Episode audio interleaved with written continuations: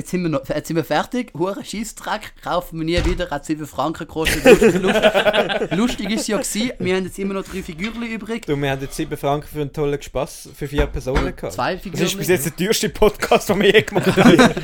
Produktionskosten, hä? Gut, catch mich, da habe ich einen ganzen Raclette-Abend finanzieren. ja, wenn du verloren hast, selber die schuld. Catch me an die ganze. Fahrt nach Frankreich müssen organisieren. Gut, aber das leitet doch eigentlich ein interessantes Thema, ich habe vorhin kurz angeschnitten haben, sind wir abergläubisch? Der Jan hat ja die spannende Theorie in den Raum äh, gerührt, dass jeder aber, abergläubisch ist. Ja. Äh, auf eine Art und Weise. Nicht, es gibt ja, du musst relativieren. Es gibt Menschen, die an so Horoskop-Zeugs und so glauben und dort mega abergläubisch sind und an so hom homöopathische Gurus glauben. Und dann gibt es Menschen, die relativ rational denken, aber ich behaupte, jeder Mensch ist ein bisschen abergläubisch irgendwo durch. Also rein schon, wenn, wenn jemand eine Lieblingszahl hat, ähm, glaubt man ja, dass die Zahl irgendwo durch Glück bringt. Du hast sogar gesagt Lieblingsfarbe. Ja, das ist vielleicht ein bisschen weit hergeholt, Das ist ein aber bisschen wenn, kontrovers, wenn ja. du bei einem Spiel... so kontrovers? Ich weiß wenn nicht, du- dass ich wenn abergläubisch du mir jetzt eine in einem Lieblingszahl habe. Wenn du jetzt bei einem Spiel Äh, wie Eile mit Weile kannst du eine Farbe aussuchen Ja, Dann nimmst du deine Lieblingsfarbe oder eine weil Farbe, ich sie die schön finde. weil du sie schön findest, aber weil du nachher findest, dass die Farbe, wenn du die Farbe nimmst, dass du nachher besser spielst. Aber das ist ja Nein. wie mit Kleidern. Wenn du Kleider anlegst, die legst du ja auch nicht an, weil du das Gefühl hast, die bringen dir Glück, sondern weil du mit denen Nein, nein, nein, das kannst du Aber- jetzt nicht aber das- vergleichen. Bei Doch, Kleidern, Doch, ich ich finde das, jetzt gerade ich finde das extrem... bei Kleidern Ja. ist es so, wenn du, wenn du jetzt neue Kleider anlegst, dann hast du ja Selbstbewusstsein, weil du es geil findest.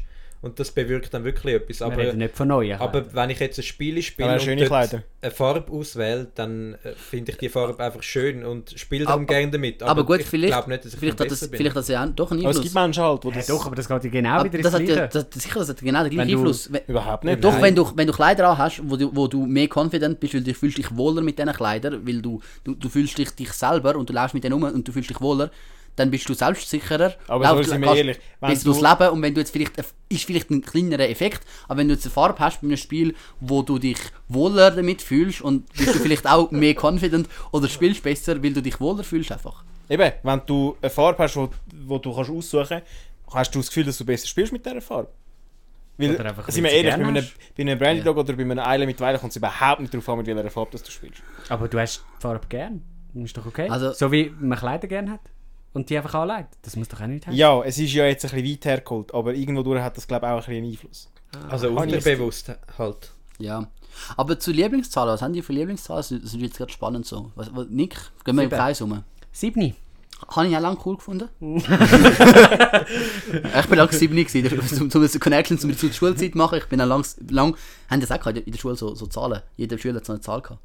Ja, Ich hatte 18 gehabt in der Unterstufe. Ich hatte lange 7 gehabt dort. Ich habe 6 gehabt. ich weiß es nicht mehr. 6 übrigens meine Lieblingszahl. Sehr geil. Jetzt hast du meine Kle Nein, ich habe keine Lieblingszahl, sage ich ganz im Ernst. Also Lieblingszahl ist eben wirklich... Lieblingszahl oder Lieblingsziffer? Und dann hat er Ja, dann gefragt. 6. Dann 6. Du könntest ja auch irgendwie jetzt, kann ich, Ich Ausrufezeichen. du könntest jetzt irgendwie auch, weiß ich nicht, 64 oder so als Lieblingszahl haben. Oder irgendwie 8 mal 8 888. gibt 64 Mädchensticker. Hat er das nie gesungen? Doch. Wir haben immer gesungen, 8 mal 8 gibt 64, schieße die Hose links und rechts. Ja, das haben wir auch. Sehr geil. Gut. Sehr geil. Ich glaube, die Luft ist draussen, oder? Nein, ich kann meine meine Lieblingszahl sagen. Aha. Es ist nämlich, ist nämlich 13 und es gibt ein lustiges Geschichtchen dazu. Und zwar, Es gibt eine Geschichte zu deiner Lieblingszahl. es ist eine Geschichte zu meiner Lieblingszahl, also wie es zu meiner Lieblingszahl geworden ist. Du, dann lehne ich mich mal zurück. Also es ist mega Ja, ich kurz und dann wirklich wahnsinnig spannend. Ich nehme das Popcorn führen, gell? Aber äh, ist, ist es so, dass ich tatsächlich äh, im Schützenverein mal war. Und, also nicht mehr, jetzt nicht mehr aktiv. Ich glaube immer noch Mitglied. Wenn es. Und, also, man muss sagen, sie schiessen dort nicht, sondern der, der Merlin ist sehr abergläubisch und das ist so ein äh, Horoskopenverein und sie sind alles Schützen. Was? nein, nein, also Jung, Jungschützen. Und, und dort, äh, dort äh, haben wir halt die Scheibe 13 gehabt. Und ich bin nicht unbe also ich bin nicht schlecht gewesen, aber ich bin jetzt nicht der Beste beim Schiessen. Und ich hatte so die Scheibe 13 und irgendwie, ich bin zwar nicht wirklich abergläubig, aber ich habe so gedacht, ui nein, bin ich noch auf die Scheibe 13, hoffentlich schiesse ich jetzt nicht noch schlechter so. Nein, bist du überhaupt nicht, aber glaube ich, wenn du das denkst. Nein, es ist, irgendwie, es ist halt doch im Hinterkopf. Weißt du, es ist irgendwie doch im Hinterkopf. Es gibt genug Leute, die irgendwie nicht wollen, Flugnummern 13 oder Sitznummern 13. Es Weil sie abergläubisch sind. Ja, wie es aber glaube ich sind. Aber es ist schon irgendwie doch, du weißt, dass mega viele Leute das glauben, es ist mir so, so, vielleicht ist ja doch etwas dran. Du glaubst nicht wirklich dran, du findest eigentlich gut aus, aber irgendwo, wei- also weißt du, so, Darum funktionieren doch auch die, die SMS, die WhatsApp-Nachrichten, schickt das dann 10 weiter, sonst passiert das Ja, genau, es einfach ja. Leute gibt, die irgendwie denken, oh, zur Sicherheit schicke ich es gleich mal weiter. ja genau. Du nein, nie weitergeschickt? Schau, Ich da auch kannst nicht. du Ich habe mal einmal, aber da bin ich 13, das war der erste, den ich bekommen habe. Ich habe nie Und so dann habe ich gemerkt, das bringt gar nicht, dann habe ich nie mehr etwas weiter. Ich habe Oh, einmal... ist dir dann aufgefallen, dass du es geschickt hast? also bei einer, bei iPhone-Verlosung mitmachen, so klick auf den, auf den Link und äh, lad das und das ab und Mir ist dort bei dem Kitterbrief ein rotes WhatsApp-Icon äh, versprochen das habe ich bis heute noch nicht gesehen. Ich habe früher auch mal so eine Nachricht bekommen, dass irgendwie äh, die ganze Familie stirbt, wenn man es nicht weiterschickt. und ich habe dann schon gedacht, ja, das stimmt wahrscheinlich nicht. Und habe es dann auch nicht weitergeschickt. Aber ich bin trotzdem auf der Hut. ich habe dann trotzdem gedacht, oh, hoffentlich nicht in nächster Zeit. Genau, und wir haben das auch gefunden, so mit, mit, mit, mit 13, oder? Mhm. Und ich habe dann gefunden, ich denke aber jetzt positiv, weil wenn ich jetzt schon so denke, ui, nein, Hilfe nicht, dann schieße ich wahrscheinlich noch extra schlecht. Und das nachher einfach umgekehrt und sage, okay, scheißegal, 13 ist meine Glückszahl, ich treffe heute extra gut. Und bin da mit so einem positiven Mindset angegangen und habe dann dementsprechend auch ziemlich gut getroffen.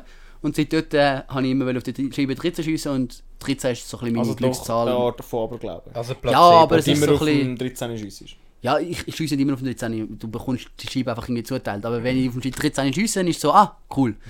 Nein, da freut Oh, mich. oh da freue ich mich. Genau, genau. Und Gute seit dort, und seit dort ja. wenn ich muss eine Lieblings- oder Glückszahl auswählen dann sage ich 13.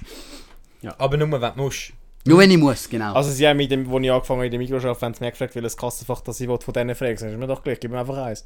Ich sagte, ja gut, ich gebe dir das oben, weil alle unsere Kassiererinnen so klein sind und nicht dort raufkommen. Ich sagte, ja gut, in dem Fall.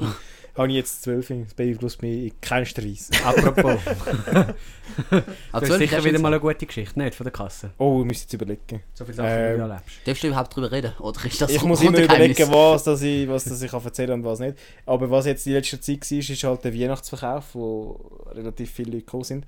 Und dann... Trotz ein Corona. Ja, also es ist einfach immer wieder etwas... Sonst ist es so, es läuft ein bisschen etwas und dann ist wieder ein bisschen ruhig. Aber an Weihnachten, so um die Weihnachten herum, sind sie wirklich angestanden vor dem Laden. Es ist seit langem wieder mal gewesen, dass sie müssen Leute sagen, oh, wir haben zu viele Leute im Laden. Ähm, und dann hat es eine Kundin gehabt, Haben da einen Automat oder eine Person, die dort steht? es hat einen Automat und sobald das der piepst, steht nachher der, der Typ von der Seewacht dort. Also der, der der Securitas- Seewacht. Wie heißt sie eigentlich? Wie heißt die eigentlich Seewach? Ja, frag mich doch nicht, ich schaff's nicht. Sie sind am Greifensee irgendwie am Schauen, oder was? Nein, das ist einfach eine Security-Firma. Das ist Das einfach eine Se- Securitas-Firma, die so heisst. Also es ist wie Securitas einfach. Die heißen einfach so. Das ist Die, wie ein Seewacht. Jungwacht Blauring. Bisschen- das heisst einfach so. die, die sind jetzt auch nicht... Äh, Die passen auch nicht auf irgendetwas Spezielles auf. Richtig. Gut, ja, weiter. Und dann war äh, ein richtiger, teilweise richtiger Stress. Gewesen. Also ich bin ja über, ich lasse mich relativ äh, schwer stressen bei solchen Sachen. Ähm, und dann hat es eine Kundin gehabt, die dann gefunden hat, sie, sie der jetzt da ein bisschen langsamer aufladen, dass ich auch mal wieder ein bisschen Luft habe zum Schnaufen. Also, ja, sie ist mein Job und so. so. Ja, aber trotzdem, sie leistet da so schwere Arbeit und so. Das habe ich richtig herzig gefunden. Ähm, Ein Kunde da völlig am Ausrasten, weil sie so langsam aufladen ist. Äh, du musst Jesus da fahren, mach mal vorwärts! Und dann will ich noch mit Kleingeld zahlen, so mit 5 Rappen, weil ich auf den Tisch gelegt Warte, ich kann's genau! Ja, sie ist wirklich dann, oh, ich habe es genau, dann müssen sie dort noch rausgehen, das suchen, jetzt sind hunderte Noten, 20. Ah, 385 hätte ich auch noch. Wir- Wirklich mega lieb, hat es wirklich Das ist herzig, ja. Ja, das ist herzig. Aber als Kunde nicht, dann regst du doch Teufel auf, wenn man dann selber vor dir hast. Gut, aber Leute, die sich in der Mikro aufregen, dass es an der Kasse ein bisschen länger geht, das sind auch. Komische Vor allem Leute, die während der Weihnachtszeit gehen posten und sich nachher darüber aufregen, dass viele Leute an der Kasse haben. Also ich glaube, man, wird zum ja wohl noch schaffen, 10 Minuten an einer Kasse zu stehen, ohne auszuflippen. 10 Minuten ist schon ein bisschen lang. Es geht. Also ich bin, Dann gehst du halt zu einer ich, muss ehrlich sagen, ich bin sehr selten mehr als 4 oder 5 Minuten angestanden. Gut.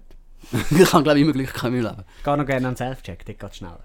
Also wenn es viele Leute hat. Also wenn man noch doof, wenn du ein Bierchen kaufst, nachher musst du ewig warten, bis, bis irgendjemand kommt und kurz... Dann, sie, sie schauen immer groß, sie schauen kurz auf deine Idee, nachher klicken sie irgend, irgendein Alter an. Sie können irgendwie da 10'000 Alter anklicken, sie drücken irgendwo wahllos drauf. Gut, das haben wir in der Migros nicht. Nicht? Also doch, es gibt schon Also Sachen, kein wo... Wenn du, wenn du in der Mikro Alkohol Alkohol halt willst kaufen. Aber es gibt schon Sachen, so, es gibt halt, du kannst halt Videospiele kaufen im MM Electronics ja. und du kannst so, teilweise gibt es die Notfallpille irgendwie. Keine Ahnung, wie sie heisst. Die sind auch Die 18. auch.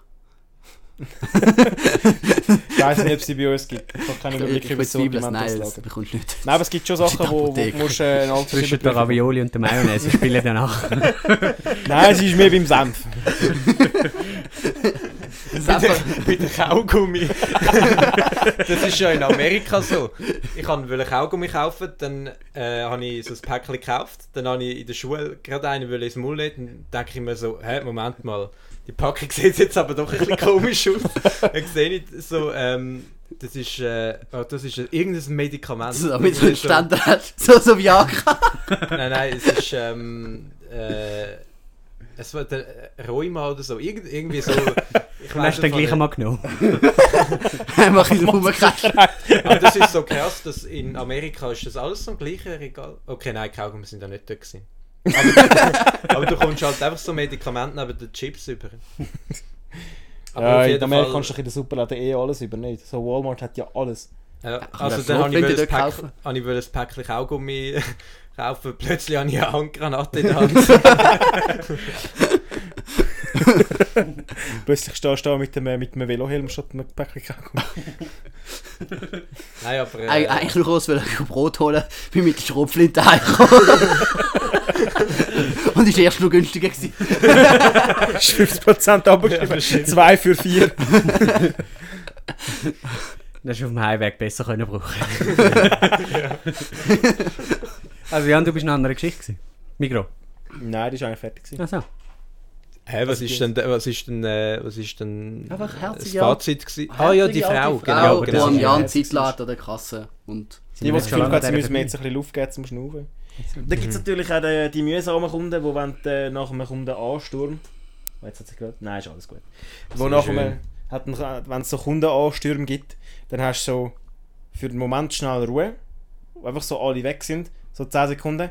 Dann nimmst du deine Trinkflasche, willst du einen Schluck nehmen, und dann kommt, kommt «Ja, sie sehen zu, so sagen sie nichts zu ich komme jetzt mal zu ihnen.» So, ähm... Gut. Du dumme Schnurren. Ähm, bist ein dummer Sieg. Vor allem, das ist natürlich dann nichts vor allem hat er auch nicht gerade gesund tönt, der Kunde. Ja, ich habe ihn halt äh, gerade charakterisiert und alles in der Stimme. Nein. vielleicht noch angesprochen. Muss jetzt aber aufpassen, dass du das weil- Der, der sitzt jetzt die vor dem Podcast und denkt sich, Hä, meint er mich? Nein, ich habe ja den Namen nicht gewusst. Das hast du ja mal gesagt, Micha. Also irgendetwas von, ich müsste Kunden mit dem Namen ansprechen, weil der Name irgendwie auf dem Bildschirm auf. Da hast du irgendwann etwas gesagt. Ah ja, es ist irgendwie, äh, es ist irgendwie um, gar nicht. es ist eine ganz äh, verwobene Geschichte um Cumulus-Punkte gegangen und wir haben uns da richtig verrennt drin. Nein, mi- du siehst eben, wenn sie Cumulus-Karte kennen, den Namen gar nicht. Ja, genau, das hast du mir auch erzählt. Nein, das habe ich nicht erzählt. Aber es hat eben letztens die Kundin gegeben, die hat dann nachher mich mit «Ah, der Herr Reinhardt verabschiedet» und ich so. «Hast du mich gekannt oder hast du auf mein Schild gelesen?» Das ist einfach so Ja, wahrscheinlich Schilder Ja, wenn sie dich würde kennen, hätte der Jan gesagt. Das finde ich vor allem noch spannend, die Schildli, die haben ja nicht nur im, im Migros, ich weiß nicht, wie das bei euch ist, ob ihr dort müsst den richtigen Namen drauf haben, aber bei der SBB sind anscheinend so viele Zugbegleiter teilweise persönlich dann angegriffen worden oder beleidigt worden oder halt auch so, ich, ich, ich finde dich, ich weiss nicht, wo du wohnst, dass es jetzt dürfen einfach irgendwelche Fantasienamen auf ihre, auf ihre? Tafel schreiben, ja. Hast du mal in der Zeitung gekommen, so kurz. haben, die- haben die, also müsst ihr einen richtigen Namen drauf haben oder könnt ihr «Ah, eigene keine Ahnung, ist das Fantasienamen drauf? Name Das wäre geil. Was würdest du für einen Namen anschreiben? Oh, da du- müsste ich mir aber lange überlegen. da würde ich mir irgendetwas Lustiges ausdenken. Sehr gut. Aber Fritz ich bin so spontan. Was, was würdest du, Nick? Oh, da müsst ihr jetzt aber lange überlegen.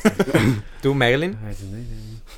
Ja, du, also ich meine, Merlin wenn Zauberer. ich, wenn ich ganz frei bin und es keine Zensur gibt, wäre ja schon lustig, würden sie dich irgendwie so mit Adolf Hitler an. nein, nein, nein. Rudi Giuliani. Nein, ich hätte, ich hätte Genau. Ich so will mir Rudi zwei. Giuliani Ich hätte dann so zwei Schildli. Einmal am einen Tag wäre ich der Josef Stalin und am anderen der Adolf.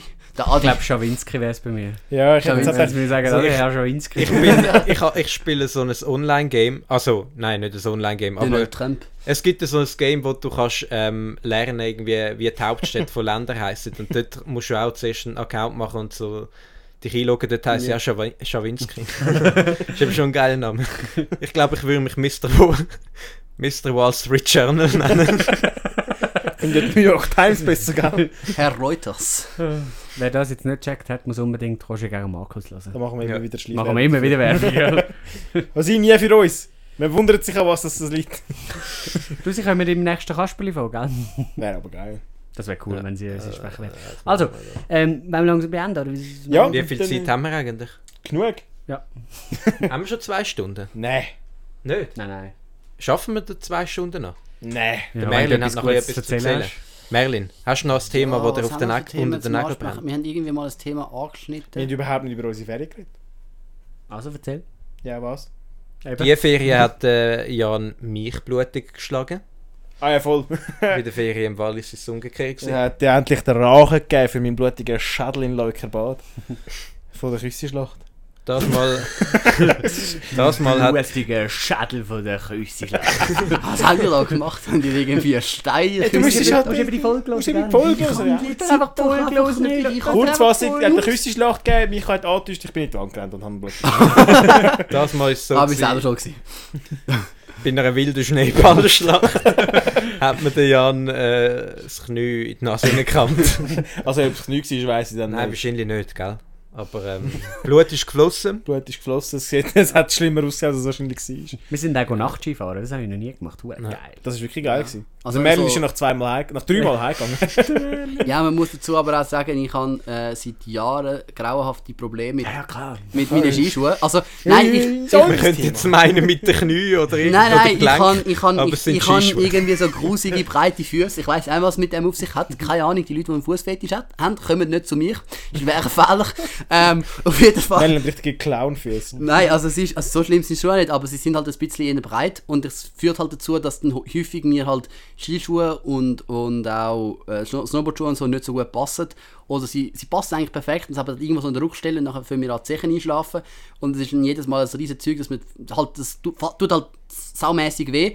Und jetzt gewinne ich gestern, also ja, das erste Mal seit acht Jahren wieder auf der Ski gestanden und habe gemerkt, dass die ganzen Muskeln, die ich zum Skifahren gebraucht habe, völlig abgebaut sind. Also ich bin ja nicht ganz so unsportlich, aber ich weiß auch nicht, irgendwie, ich bin auch ein bisschen völlig falsch gefahren. Nein, du hast recht schlecht angestellt. habe Ich bin eigentlich nicht falsch gefahren, Es aber hat ich habe gut aussehen, für das du acht Jahre nicht auf der Ski gestanden bist. ich, ich habe das Gefühl, ich habe aber, ich bin, ich habe mehr mit der kan Kante bremst, als dass ich durch Kurve bremst habe. Und beim Snowboard bremst ist ja halt wirklich mehr mit der Kante die ganze Zeit. Und ich habe das Gefühl, ich habe das mit der Ski auch gemacht. Das hat es grauenhaft streng gemacht. Auf jeden Fall, auf jeden Fall habe ich dann nach dreimal Fahren aufgegeben, weil meine Füße die ganze Zeit eingeschlafen sind. Also nach dreimal Fahren, die Füße, also eingeschlafene Long Füße story short. eingeschlafene Füße habe ich gehabt und mein Bein am Beta und dann bin ich heimgelaufen. Und. Wenn es um Merlin seine Skischuhe geht, kommen wir doch noch über zwei Stunden. Nein, an dieser Stelle einfach ganz im Ernst. Wenn irgendeiner, der den Podcast lost, weiß, wo es Skischuhe gibt, die hure breit sind oder für breite Füße geeignet sind, meldet euch bitte. Ich brauche Hilfe. Merlin kann ja auch ganz lang über seine Skischuhe telefonieren. Ja, hat man natürlich auch mit der Freundin erzählen danach. Das ist eine richtige Angelegenheit. Der Merlin ist so einer, wo, wo sich zurückzieht in der Ferien, mit seiner Freundin telefoniert und erzählt, was er für Skischuhe angeht. Also, Und dann sagt sie, also ui, wow. ich bin auch ganz knapp bekleidet. Erzähl mir mehr über die also Skischuhe. Jungs, bitte ein bisschen Anstand haben. Wir reden da immer noch von einer anständigen jungen Dame. Wo wir Und- gar noch nicht äh, so richtig kennen. Ja, du, ich schaue Was hat sie dir dann erzählt?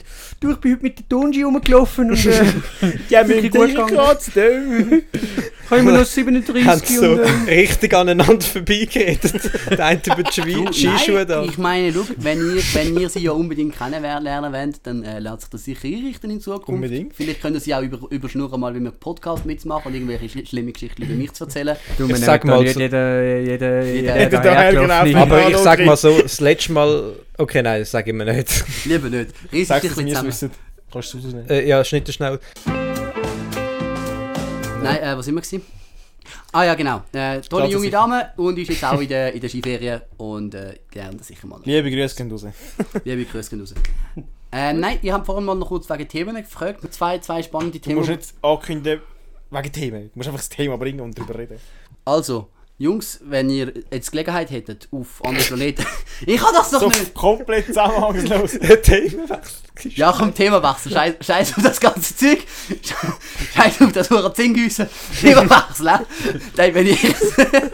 Du, wir haben jetzt schon so, so viele Themen angeschnitten, wir könnten drei Folgen daraus machen. Eigentlich. Ja, ist ja geil. machen wir- machen Super, wir auch. mach also, machen wir drei Folgen draus. Nein, aber wenn ihr jetzt Gelegenheit hättet, auf, auf einen anderen Planeten auszuwandern, also kann ich Mars oder wenn es Mondbasis gibt, Na- NASA wird ja bis 2024, glaube wenn es erste Basis auf dem Mond anfangen aufbauen oder so. Ist auch fraglich, ob der Zeitplan gehalten wird. Aber würdet ihr die Gelegenheit wahrnehmen, wenn ihr jetzt würdet sagen, hey, schaut Jungs, ihr macht hier einen tollen Podcast, wir wollen da ein paar Leute haben, die jetzt vom Mars aus einen Podcast machen. Oder, weiss doch auch nicht, irgendwie sonst, keine Ahnung. Würdet ihr, würdet ihr mitmachen? Niemals. Nein, Ich finde lieber zuerst mal die Welt ein bisschen in Ordnung bringen, bevor man da an andere Planeten geht. Kaputt machen. kaputt also du machen. sagst, äh, für das Geld, das man da in neue Planeten investiert, könnte man auch äh, den alten Planeten Du retten. hast es ein bisschen besser gesagt, ja. Aber ich finde, find, das ist doch immer so eine, das ist doch so eine, so eine, so eine ewigwierige Diskussion, die einfach auf gar keinen grünen Zweig kommt. Weil ich finde, es gibt so viele Sachen, wo du kannst sagen, ah, das ist jetzt nicht relevant, in das müssen wir kein Geld investieren, ähm, nutzen wir es doch lieber für etwas anderes. Und ich finde, Ich glaube, es ist ein guter Punkt, äh, Geld investieren, um unsere Welt lebenswert zu halten. definitiv, ich sage nicht, dass das ein schlechter Punkt ist. Aber mir das, das Argument kann ich bei mega viele Sachen bringen. Also du willst, also du findest, äh, es ist ein bisschen Es ist einfach schlecht. mit Birnen vergleichen sozusagen. Ja, ich finde es einfach doof, dass sie immer so sagen, so, ja, Raumfahrt ist nicht wichtig, ähm, wir können, äh, lösen wir doch zuerst den Klimawandel, bevor wir auf andere Planeten fliegen. Ich finde, Klimawandel lösen, ja, absolut, aber wieso nicht auch auf andere Planeten fliegen? Ich finde Weil irgendwie, es einfach irgendwie gerade im Moment nicht so wichtig Es ist. ist halt so ein bisschen das Consumer-Fall. Consumer Ja, genau. Also, Okay, die Welt geht eh kaputt, gehen wir doch einfach auf einen anderen Planeten. Wieso einfach nicht flicken, was wir kaputt Ja, also das- ich finde, es kommt, nicht um das. es Das kommt ein ist- bisschen darauf an, ob, ob das jetzt vom Staat ist oder von, der, von einer privaten Firma. Ich, ich finde, ich würde es jetzt auch ein bisschen makaber finden, wenn jetzt eine Regierung hure viel Geld investiert in, ein, in so die Entdeckung von neuen Planeten, während irgendwie das Sozialsystem den Bach runtergeht. Ja, Aber das- jetzt das eine private Problem, ja. Firma, die kann ja selber entscheiden, was sie mit ihrem Geld macht und dort finde ich es dann okay. ich meine, Elon Musk mit seinem SpaceX, die verdienen ja einen Großteil von ihrem Geld mit ähm, Launches von Satelliten und Transport zu der ISS und die ISS ist relativ relevant. Es gibt ja mega viele medizinische Experimente, sonstiges Zeug, was nur die Schwerelosigkeit können machen können. Verstehe ich nicht genau warum, kein Wissenschaftler, keine Ahnung, aber anscheinend ist es recht wichtig und die sind völlig ausgelastet mit der Arbeit in der ISS. Und, und die wollen von dem her, und Satelliten brauchen wir auch für GPS und so, ich meine, es ist ja mega wichtig für Rettungsdienste, also die ganzen Ortungsdienste so, das ist recht wichtig. Also, und es gibt ganz viele Satelliten, die auch das Klima überwachen und so. Und für das wird Geld ausgeben, für das braucht man Raumfahrt, für das schießt man Raketen ins All. Und mit dem verdient er ja eigentlich sein Geld. Und ich finde es dann auch nicht anders als recht, dass eine private Firma einen gewissen Profit verwirtschaften Und wenn er mit dem Profit dann will, äh, Basis irgendwie auf, auf dem Mars aufbauen, finde ich es völlig okay. Und ich finde, allgemein so durch, das Erforschen vom Weltraum kriegen wir auch andere Perspektiven auf unsere Welt. Also weißt du, es ist wie, ich habe das Gefühl, so die Bilder, die du aus dem Alt siehst, wo irgendwie unsere kleine, zerbrechliche, blaue, grüne Kugel siehst, es schürt schon irgendwie Ehrfurcht. Es ist so, das ist unser Zuhause. Wir haben nur den Planet. Ich finde, es gibt wie ein ganz anderes Bewusstsein auch. Und ich finde, nur schon wegen dem ist es zu einem gewissen Teil einfach wert, das Geld zu investieren. Und ich fände es nicht, nicht so schlecht, wenn man noch kann sagen okay, wir haben noch andere Orte, das Leben von der Welt kommt noch auf andere Planeten, auf andere Sterne, wir verbreiten sich ein bisschen im Universum. Klar, das geht nicht, ich finde, du kannst nicht sagen, okay, wir machen jetzt unsere Welt kaputt, scheißegal, wir ver- verpissen uns auf einen anderen Planeten. Ich finde, das ist sicher der falsche Ansatz. Aber du weißt nie, vielleicht kommt ein Meteorit und löscht die ganze Erde aus. Aber es wäre irgendwie doch, ich weiß nicht, wie wichtig das für euch ist, aber ich finde es doch geil, wenn du noch weißt, okay, wir haben ein paar Leute auf dem Mond, die selbstsufficient können überleben und vielleicht können wieder auf die Erde runterkommen und wieder etwas aufbauen oder, oder auf dem Mars und, und irgendwie das Leben an und für sich als, nicht unbedingt als, als menschliche Spezies, aber das Leben an und für sich existiert weiterhin. Aber weiter. ist das, das dann so wichtig? Also sollte man nicht können akzeptieren, dass halt das menschliche Leben irgendwann nicht mehr vorhanden sein wird? Weil ich meine, wir sind ja... Ja klar wird es irgendwann nicht mehr vorhanden sein, aber ich denke, wir müssen, wenn wir die Möglichkeit haben, als Spezies unsere, unsere Lebenschancen, als, also unsere Lebenschancen als Spezies, als, als, als, als, als Gemeinschaft zu erweitern, finde ich, sollten wir die nutzen und, und nicht einfach sagen, so ja, ich finde es recht zynisch und, und irgendwo auch ein bisschen und auch irgendwie die, die, das Sentiment, das immer mehr gibt, ja, wir sind eh überbevölkert, wir brauchen eh weniger Menschen auf der Welt. Ich finde das, klar, es sind schon viele Menschen auf der Welt, klar, wir haben Hunger, wir haben Probleme, die wir lösen, aber ich finde das extreme antihumanistische Zug irgendwie kommen, sagen und sagen, ja, wir haben zu viele Leute. Also, was willst du mit denen machen, die zu viel sind? Umbringen? Also, weißt du, so irgendwie, oder willst, willst du den Leuten verbieten, jetzt Kind zu haben? Also, weißt du, kann ich, es ist irgendwie dein Recht, als, ich finde, es ist ein Recht, Kind zu haben. Also, es muss nicht jeder, und es sollte auch nicht jeder, aber wenn man sieht, je wohlhabender ein Land ist, desto höher die Bildung ist von Leuten, desto weniger Kinder haben sie. Also sollte ja das Ziel sein, wenn wir zu viele Leute sind, vielleicht eben die Leute irgendwie bilden, schauen, dass es allen besser geht. Und, das, und ich habe das Gefühl, das ist ein gesamthafter Effort, einfach Schritt für Schritt fürwär- vorwärts gehen. Und, und zu dem, finde ich, gehört zu dem Vorwärtsgehen gehört auch auf andere Planeten kommen und irgendwie das Science Fiction, dass die Zukunft, wo wir alle uns erträumen, irgendwie zu haben. So ein bisschen. Aber umso mehr solltest du doch eigentlich schauen, dass das, was ist, mal ein bisschen verhebt. Absolut. Du hast ja jetzt Absolut gerade eine Lösung eigentlich gebracht dafür. Absolut. Ich finde beides. Ich finde, man sollte schauen, dass das, was ist, gelöst wird und dass wir die Probleme, die wir haben auf der Erde, lösen. Aber ich finde, man sollte auch gleichzeitig können auf den, auf den Mond gehen. Ich finde, das ist, widerspricht sich ja nicht. Ich finde, es ist kein Widerspruch. Das Geld ist, es ist nicht so, dass das Geld nicht rum ist. Ich finde, wenn, wenn, bevor die Raumfahrt angreift, greift, greift der Rüstungskomplex an, den wir haben auf der Welt. Greift die Rüstungsfirma an und sagt, äh, hört auf, so viel Geld für das auszugeben. Aber ich finde nicht, dass du jetzt musst die Forschung vom Weltraum hinten anstellen hinter der Forschung vom Klimawandel. Ich finde, das ist beides. Also, Also, so- also, kann nicht das- der Mensch einfach mal akzeptieren, dass es irgendwo Grenzen hat. Also ich finde ja auch, dass der Mensch als Spezies seine Berechtigung hat, nach, nach Überlebensstrategien und so zu suchen. Da, Ja, klar, was ja. Jetzt irgendwann heisst, in fünf Jahren ist die Welt le- nicht mehr lebenswert. Es gibt den Planet, in fünf Jahren schaffen wir so und so viel, keine Ahnung. Dass der Mensch als Spezies äh, versucht zu überleben, verstehe ich.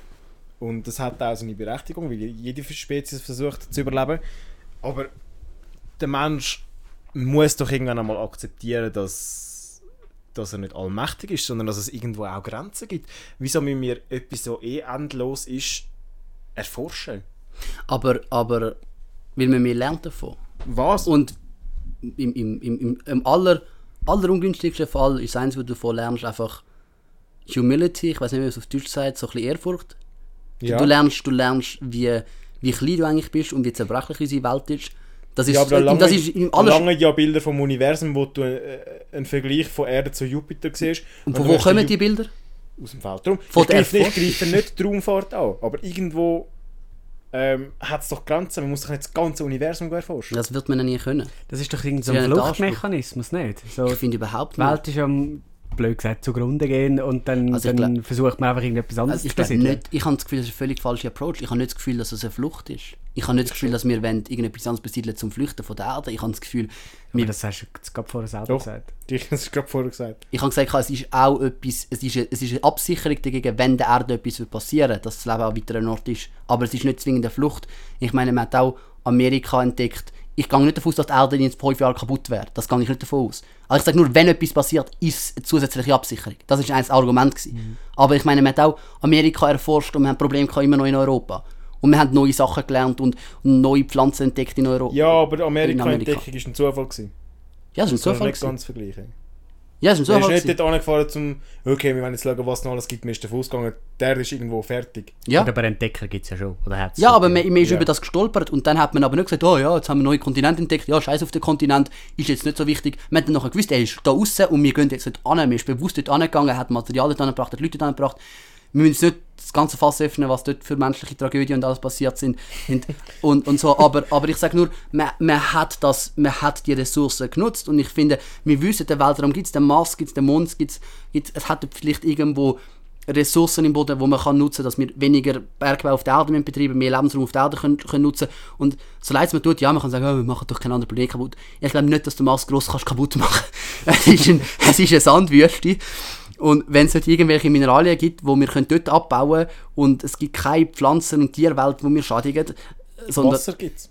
ja, vielleicht, Ich finde im Endeffekt, also eben, wie ich gesagt habe, wenn es der Staat macht, finde ich es ein bisschen daneben, weil, weil es halt sozusagen Wichtigeres gibt. Aber wenn es Privatpersonen machen, ähm, dann sollen sie es machen. Aber, aber natürlich nur unter der Voraussetzung, dass sie, dass sie nicht irgendwie da dabei noch die Erde, wo wir jetzt sind, dabei zerstören. absolut, ja. Nur Aber für das ihre ist ja automatisch ein Teil davon. Also die ganzen Raumfahrten, die haben ja einen riesen Einfluss auf unsere CO2-Bilanz. Viel weniger.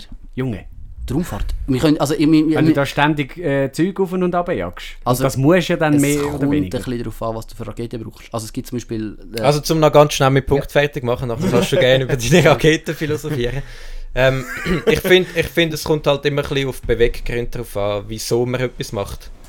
Also wenn jetzt eine Privatperson das einfach geil findet und halt nicht den Halskragen äh, voll bekommen sozusagen und darum sagt, ja jetzt muss ich auch noch Planeten äh, erobern und Ahnung, dann finde ich es ein bisschen der, falsche Beweggrund. Oder eben, wenn man nicht kann die eigene Sterblichkeit irgendwie akzeptieren aber eben jetzt zum Beispiel allgemein, wenn, wenn du das erforschen dann, also eben, es kommt, kommt halt ein bisschen darauf an, unter was wenn man... Äh, Aber kann ich irgendjemand die eigene Sterblichkeit akzeptieren? Ja, ich. Nein, aber ich... ja, ja, aber ich glaube, jetzt kannst du es schon so sagen, aber ich glaube, wenn, du- wenn du jetzt morgen würdest, es, irgendwie äh, ein Urteil bekommen, dass, dass du in zwei Tage stirbst, dann könntest du es nicht. Also das zeigt sich jetzt natürlich noch leichter, als wenn du Das ist so dann der etwas anderes, die. Sterblichkeit oder den Tod zu akzeptieren. Also ich meine, aber du würdest ja Nicht. trotzdem, ich, ich würde sagen, du würdest trotzdem für dein Leben kämpfen, so wie es in deinen Ja, gut. Möglichkeiten steht, zum, zum so lange wie möglich überleben. Also Sterblichkeit akzeptieren. Also jeder weiß, dass er stirbt. Also Ja, muss er akzeptiert es auch jeder, außer ein paar ganz krasse Narzissten. Aber ich glaube, wir reden jetzt schon darüber, den Tod zu akzeptieren. So. Aber ich würde sagen, jeder probiert trotzdem das Maximale rauszuholen, nicht? Aus seinem Leben. Ja, das sowieso. Ja. Wegen dem oh, kann ich meinen Tod dann gleich äh, akzeptieren. Ja, dann kannst du, ja, ja, egal. Wir müssen über das diskutieren. Wieso Nein. Nicht, du willst keine Punkte mehr haben. Nein, weil wir eigentlich vorhin über Raketen äh, angefangen haben und, und Ja, jetzt habe ich eigentlich smooth wollen überleiten zu einem philosophischen Thema, aber nein, natürlich nicht. Was wäre denn das Thema? Oder, oder ist es ganz wichtig, dass du jetzt noch sagst, welche Rakete Umwelt... ich, will nur kurz einfach sagen, es ist SpaceX Ökobilanz SpaceX. 1738 oder was? Nein, ich will einfach nur sagen, es ist nicht so gravierend. Also es gibt viel gravierende Indus gravierendere Industrien, weder jetzt die Raumfahrt, wegen Ökobilanz. Und ich finde, es ist ein bisschen, ein bisschen zynisch jetzt bei, der, bei einer Industrie, wo wirklich primär auf Forschung und Entdeckung fokussiert ist, so ansetzen und sagen, ja, das ist irrelevant, wenn es Industrien gibt, die eben, ich finde, wir müssen jetzt nicht, ich will jetzt mich nicht sagen, ich bin für oder gegen die Rüstungsindustrie, aber ich finde, dort wird so viel mehr Geld verbrannt. Aber das ist doch jetzt auch äh, wieder... Äh, äh, Whataboutism. ja, what about this? Also, wenn du sagst, ähm, ja, es gibt Schlimmeres, dann, dann rechtfertigt das ja nicht etwas anderes Schlimmes. Das Ich ist finde es ja, überhaupt nicht also- schlimm. das ist mein Punkt. Ich finde, die Raumfahrt ist nicht schlimm. Die Raumfahrt ist etwas Positives. Und es, es, wir Ja, haben, aber jetzt bezogen Also jetzt- auf die Umwelt. ja, aber ich finde, du musst bei den grössten Akteuren ansetzen und nicht bei etwas Kleinem, wo eigentlich Positives bringt. überhaupt nicht klein. Die Raumfahrt ist Ja, verhältnismäßig. im Moment, aber wenn es jetzt darum geht, die irgendeinen Planet zu besiedeln, dann, dann musst du da einiges aufjagen. du, wir jagen dir auch jetzt schon einiges auf. Ja. Aber mein Punkt ist einfach, es ist nicht, die, es ist nicht der grösste CO2-Ausstoßverursacher, bei weitem nicht. Extrem viele Raketen fliegen mit, mit Wasserstoffantrieb. Da hast du nicht jetzt irgendwie, also wirklich, es gibt, es gibt mega, so, ich, ich kann jetzt nicht in die, die Tiefe hineingehen, aber es gibt mega tolle YouTube-Videos, äh, unter anderem auch vom Scott Manley, Shoutout an dieser Stelle. also, wo, wenn, die, was interessiert, das ist wirklich toller YouTube, wo, wo mega tolle Videos über das macht. Oder Everyday Astronaut ist auch mega cool. Und du kannst, die haben mal über eine Stunde langes Video, wo es von jedem verschiedenen Raketenantrieb äh, die Umweltkosten und CO2-Bilanz und, und sonstige schädliche Sachen ausgerechnet haben. Und schaut das an, dann kannst du selber ein Bild machen, aber es ist, Ich hätte eben Es eine ist- Tabelle als ein Stundenvideo im Es es ist gibt eigentlich- auch Tabellen. Äh, Geil. Es ist immer ein, bisschen mir Abwägen eigentlich, weil genauso Whataboutism ist eigentlich, wenn du sagst, äh, du kannst nicht Sachen erforschen, weil es halt, gl- m- also weil etwas anderes dringender ist. Oder nicht? Also im Endeffekt kommt es ja darauf an, also du musst abwägen. Ja, ich finde einfach allgemein sollte man Forschung fördern. ist. Solange wir, je mehr, ich finde, Wissen schaffen und mehr erfahren über unsere Welt und unser Universum ist immer etwas Positives. Aber ich bin Warum? trotzdem der Meinung, das sollte jetzt nicht der Staat machen, wenn jetzt wenn es jetzt ähm, halt Ich- wirklich also- den Menschen scheiße geht. Ich finde, ja, wenn es einem Menschen scheißegal ist, was der Staat macht, ist es ein bisschen zynisch, aber ich finde, vielleicht kann ja auch etwas Positives aus dem raus. Also ich meine, jetzt nur als dummes Beispiel, ich weiß, es ist nicht jetzt das Relevanteste, aber Kugelschreiber sind von der Raumfahrt ähm, so, weißt du, es sind immer wieder neue Technologien. Es ist, ich habe das Gefühl, je mehr der Mensch an die Grenzen geht vom Möglichen, desto mehr wir unsere, unsere Grenzen pushen und die probieren zu überschreiten und weiterzugehen und, und, und äh, probieren das Unmögliche möglich zu machen, desto mehr Sachen entdecken wir, desto mehr Feststellungen haben wir, desto mehr äh, versehentliche Entdeckungen haben wir, wo schlussendlich allen von uns zugutekommen. Und ich finde, vor allem die Raumfahrt ist es uns Gebiet, wo extrem viele so Sachen passieren. Und ich finde es dann extrem schade, wenn man dem findet, ja, es gibt Wichtigeres, wir ziehen dem jetzt das Funding. Ich finde, eben, wenn etwas ein bisschen Funding zieht, dann setzt setzt bei grösseren, bei, bei grösseren, schlimmeren Umweltsündern an, setzt bei Sachen an, wo, wo direkt äh, anderen wirklich schadet und sicher nicht bei etwas, ähm, wo eigentlich einen sehr großen positiven Einfluss hat auf, auf, auf unsere Menschheit als Gesamtes und wo vor allem auch internationale Zusammenarbeit fördert. Ich meine, ich glaube, es gibt kaum irgendeinen Bereich, wie es darum fährt, wo über Länder übergreifend so schön zusammengearbeitet wird. Ich meine, die ISS, wo Russen und Amerikaner schon seit Jahrzehnten, obwohl es eigentlich NATO-Ebene so Gegner sind, so sich gegenüberstehen, stehen, zusammenarbeiten, zusammen an Experiment arbeiten, Gut, aber das zusammen dort aufschiessen. gegeneinander, oder? Also die ist schon ein bisschen im Wettkampf, oder nicht? Nein, das war mal, gewesen, wo, wo, wo, noch zur Zeit von der Sowjetunion. Ja. Aber wir haben die ISS, wir haben dort Russen und Amerikaner und Europäer und, und äh, Chinesen machen glaube nicht mit, aber, aber, aber wir haben äh, Kore- Koreaner sind glaube auch und, und Japaner machen dort auch mit und wir haben alle, noch wirklich sehr viele Nationen von dieser Welt, die dort zusammenarbeiten und die zusammenkommen, wo, wo Menschen sich austauschen, aus in, ich weiß ich wie viel, äh, 100'000 Kilometer Höhe und, und Experimente durchführen. Und ich finde das etwas extrem Wertvolles. Oder jetzt auch die Amerikaner, die Jahrzehnte, also nicht Jahrzehnte lang, aber doch ja, etwas Jahrzehnt lang, weil es kein Space, weil das Space Shuttle nicht mehr gegeben hat, sind die jetzt immer im, vom russischen Kosmodrom ausgeflogen, auf die ISS raus. Also ich finde das irgendwie mega wertvoll, die Zusammenarbeit und die Verknüpfung und die Entdeckungen, die da stattfinden. Und ich finde es extrem schade, zu sagen, es ist irrelevant, das brauchen wir jetzt nicht, scheißegal. Ich finde, das, das wird der ganzen Komplexität von dem Thema überhaupt nicht gerecht einfach. Ja, also wie immer, es ist eigentlich immer gut, einen Mittelweg zu haben. das ist doch immer das Fazit äh, in jeder Diskussion.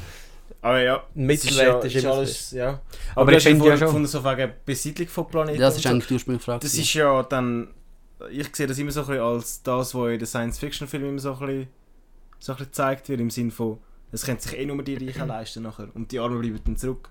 Es- Es, bildet sich dann so ein bisschen eine Elite, die dann darf auf den Mond gehen wohnen und Mhm. halt dann kann zuschauen, wie die Erde kaputt Weil irgendwie willst du ja Geld damit Ich, machen. ich habe eben Ja. das Gefühl, dass es das. Ich denke, es wird sicher gehen, so Weltraumtourismus und Reiche, die dort oben wohnen. Aber andererseits, du musst auch sehen, es ist immer noch ein extremes Risiko mit dem verbunden. Und ich glaube, sehr viele Reiche sind jetzt nicht unbedingt die, die jetzt am meisten Risiken eingehen wollen, und die wollen eher ihr Leben schützen, sich vielleicht ein bisschen auf ihrem Reichtum ausruhen. Klar, wir haben die jungen Entrepreneure wie Elon Musk, die wo eben so Sachen vorantreiben, aber ich glaube, sehr viele wollen auch eher so ein bisschen in der Sicherheit leben. Und ich habe das Gefühl, auf der Erde kannst du, bist du sicherer wieder jetzt auf dem Mond, wo du kosmische Strahlung hast, du fliegst eigentlich auf einer Bombe ins Weltall raus, der Trieb, die Menge an Treibstoff, die du unter dem Arsch hast, wenn du auf den Mond fliegst, Ja, das ist gewaltig. Du, bevor du Zivilisten transportierst, hast du das ja wahrscheinlich 100 Mal ausprobiert. Ja, aber es gehen immer noch Raketen in die Luft. Also es gibt immer wieder, ein Space Shuttle ist ja eigentlich speziell für Menschen entwickelt worden. Wir haben das Columbia Disaster gehabt, wo irgendwie ein kleiner Dichtungsring irgendwie nicht up to specs war und in die Luft geflogen ist. Wir haben Apollo 13 gehabt, was die Leute Gott sei Dank haben können retten, aber wo auch äh, einmal irgendein kleiner Produktionsfehler katastrophale Auswirkungen gehabt Ja, aber bevor du Zivilisten transportierst, wirst du das alles hoffentlich überprüfen. Natürlich überprüfen. Klar du, hast immer Profis drin, die wissen, wie sie die Situation müssen handeln aber ähm, bevor du Leute, die dafür zahlen, um in den Weltraum reisen und zum vielleicht Ferien machen, was auch immer das dann möglich ist, wirst du das hoffentlich tausendmal inspiziert, bevor du die Leute dafür ja klar, aber die Luftfahrt ist auch sehr lang sehr gefährlich gewesen. Und Ja, ist es immer noch. die Luftfahrt ist eigentlich das sicherste Transportmittel, das wir haben heutzutage. Ah, die Luftfahrt, ja. Ja, die Luftfahrt. Und, und, und, und sie ist mit der Zeit erst sicherer geworden. Ich denke, es wird genau das gleiche sein mit der Ja, Luftfahrt. aber m- m- na, gehen wir jetzt davon aus, es wird sicherer. Und wenn, wenn du jetzt ähm, da noch ein bisschen Entwicklung durchmachst, dann wird ja die Raumfahrt auch ein bisschen sicherer. Und dann wird schon darauf rauslaufen, dass die Reichen dann halt die sind, die dort ähm, können hochgehen Ja, nein, ich, ich weiß es nicht. Das ist, eben, darum finde ich es fragwürdig, die Aussage vorhin, ich will, dass das nur privat entwickelt. Ich fände es eigentlich schön, wenn es ein bisschen Also auch natürlich von schon. Staaten sehr stark reguliert wird und geschaut Ja, ja, wird, dass also dort, äh, die, die Privaten dürfen schon nicht machen, was sie wollen. Äh, wenn's, also solange es andere beeinträchtigt. Also, also eben, ich, also ich denke, was es natürlich wird brauchen am Anfang, vor allem wenn du so etwas aufbaust, wenn du Gesellschaft aufbaust, kann nicht einfach alle Reichen aufschießen und sagen, so, jetzt haben wir Spaß. Also, die wollen ja auch, die, die wollen ja auch irgendwo ihre Köche oben haben, weiß ich was. Also es braucht automatisch, klar, du kannst jetzt sagen, okay, es sind Bedienstete für Reiche, ist ja scheiße, sind wir schlussendlich sowieso irgendwo. Wir sind irgendwo Arbeiter immer, wir arbeiten immer für irgendjemanden, der mehr Geld hat, der mehr Macht hat wie uns. Wenn wir jetzt für einen privaten Arbeiter oder beim Staat angestellt sind, das sind wir immer. Also sobald du Leute hast, die Haufen Geld haben dort oben, würdest du auch Leute haben, die für die arbeiten dort oben. Und ich glaube, der Anfang von dem Ganzen wird nicht unbedingt sein, an jetzt Luxuswohnungen auf dem Mond oder auf dem Mars. Ähm, sehr viele werden immer noch ihre Business Meetings in Person ausführen und Business Meetings in Person ausführen, machst du halt nicht eher auf dem Mars, das machst du auf der Erde, wo du mit Wir haben jetzt Chat- in der, in der Corona-Krise haben wir gesehen, es geht auch über Skype. Ja? Das wir haben es man auch vom gesehen, aber, aber, aber, ich- man hört immer noch, dass Ob den Skype auch intergalaktisch geht, ist die Du, es gibt gut WLAN dort oben. Also ich glaube, am Anfang ist ja klar, dass eigentlich die, die du da oben gehen, sind ja die Arbeiter, die das überhaupt müssen aufbauen, ja. bauen und machen und tun. Und die werden dann automatisch eine Gesellschaft entwickeln, die dann Ja, schon ein bisschen beständig ist. Und in die rein werden dann neue Leute integriert. ja, und es Die, wäre... die sich können leisten Es die wird sich noch, es, leisten ja, sicher wird es Private geben, die sagen, okay, ich will meine Villa auf dem Mars haben. Also, so what? Also, weißt du, ist, ist das wirklich so gravierend? Ich habe nicht das Gefühl, dass man sich um das wirklich muss Ja, es gibt dann einfach nochmal einen stärkeren Teil der Gesellschaft.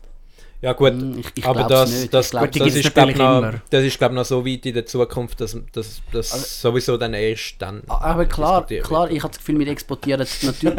Du verschiebst das, gerade einen richtig dummen Kommentar gemacht. du verschiebst das auf eine bekannte Zeit. Also ich habe das Gefühl, es, natürlich exportiert man die Probleme, die wir auf der Erde haben, auch auf alle anderen, anderen, anderen Orte, wo wir hingehen. Also meine, wir, sind, wir sind Menschen, wir sind nicht perfekt, wir, wir sind äh, äh, eine Gesellschaft, die sich stetig im Wandel befindet, die sich arbeitet. Wenn wir da äh, plötzlich auf dem Mond oder auf dem Mars sind, wir werden nicht einfach automatisch unsere Probleme gelöst haben, die wir auf der Erde haben. Und wir werden weiterhin müssen achten, dass es nicht Schärfe, Arm und Reichtum auseinandergeht und all das Zeug, was wir jetzt auf der Erde bereits haben. Das löst sich nicht. Und das wird, ich glaube jetzt nicht, dass es wegen dem plötzlich schlimmer wird. Ich habe das Gefühl, es ist einfach schlussendlich same old business. Einfach halt, ich weiß doch nicht. Ich glaube, der Fokus wird Im anders Weltall. gesetzt. Wenn du, äh, je mehr du so etwas vorantreibst, desto mehr geht der Blick so in die Richtung, oh, äh, eben zum Beispiel auf dem Mars rauf und äh, das, das finden wir alle spannend und so. Und dann wird vielleicht ein bisschen weniger drauf geschaut, was, was ist denn da im Moment noch? Das, das ist deine Sorge, jetzt so persönlich. Ja, eine was? von vielen. ich, ich kann, Die nächste Sorge ist, was du morgens ums Mittag machst. Ich habe nicht, das Gefühl, ich habe nicht das Gefühl, der Mars ist so ein unwirtliches Terrain. Ich habe nicht das Gefühl, dass wir plötzlich dort oben werden sein zu Millionen und denken so, oh, ja, jetzt, jetzt fliegen wir alle auf den Mars und, und äh, reden so unser Leben scheiß auf der Erde. Ich glaube, viel mehr wird, ich habe das Gefühl, je mehr wir das Weltall erforschen, und desto mehr der allgemeinen Bevölkerung bewusst wird, wie ein gefährlicher Ortsweltraum ist und nicht einfach wie im Science-Fiction-Film, dass es Haufen andere grüne Planeten gibt, sondern dass eigentlich unser einziger grüne Planet ist, desto mehr, habe ich das Gefühl, wird es auch das Bewusstsein schaffen für, hey, wir müssen den Planeten in Ordnung bringen. Klar, wir können vielleicht ein paar hunderttausend, vielleicht in 100, 200, 300, vielleicht in 1000 Jahren, vielleicht ein paar Millionen Menschen irgendwo im All haben. Aber ich glaube, es wird sehr lange Zeit werden, dass immer noch sehr kleine Siedlungen sind und sehr kleine Gesellschaften, wo wir auf äh, andere Körper im Weltraum haben. Und bis, bis wir unser eigenes Sonnensystem verlassen, wird es auch noch mal so viele hundert Jahre brauchen. Ich glaube, es Das schafft, glaube ich nicht, dass es noch so lange im Fall. bis das Sonnensystem Sonnensystem verlassen. verlassen. Meister. Also wir haben, wir haben irgendwann, wir haben irgendwann in den 70er Jahren oder so, haben wir Ich Sonden... merke gerade, ich gebe nur dumme Kommentare. Ich kann Ich kann überhaupt nicht mit, ich kann überhaupt nicht mitreden, Aber was, was das ein für... bisschen ein Ich muss aber auch ehrlich sagen, ich, ich habe so mich nicht mit dem Zeug beschäftigt. Der Merlin kann da behaupten, Nein, was er will. da Vorträge hat, Videos geschaut. aber wir, wir drehen uns auch ein bisschen im Kreis, dunkel mir. Ja, äh, von dem her würde ich Ja. sagen, Du hast noch eine philosophische Frage gehabt, oder ist das das mit den Reichen? Nein, Äh, wann habe ich ein philosophisches... nein, Ah nein, ich wollte von der Rogeta ablenken auf das philosophische Thema von Sterblichkeit und Tod, aber das ist ja jetzt... Mhm, Äh, angegangen äh, mittlerweile. aber wir können immer Merlin hat das gekonnt äh, außer Gefecht gesetzt mit seiner Rogete.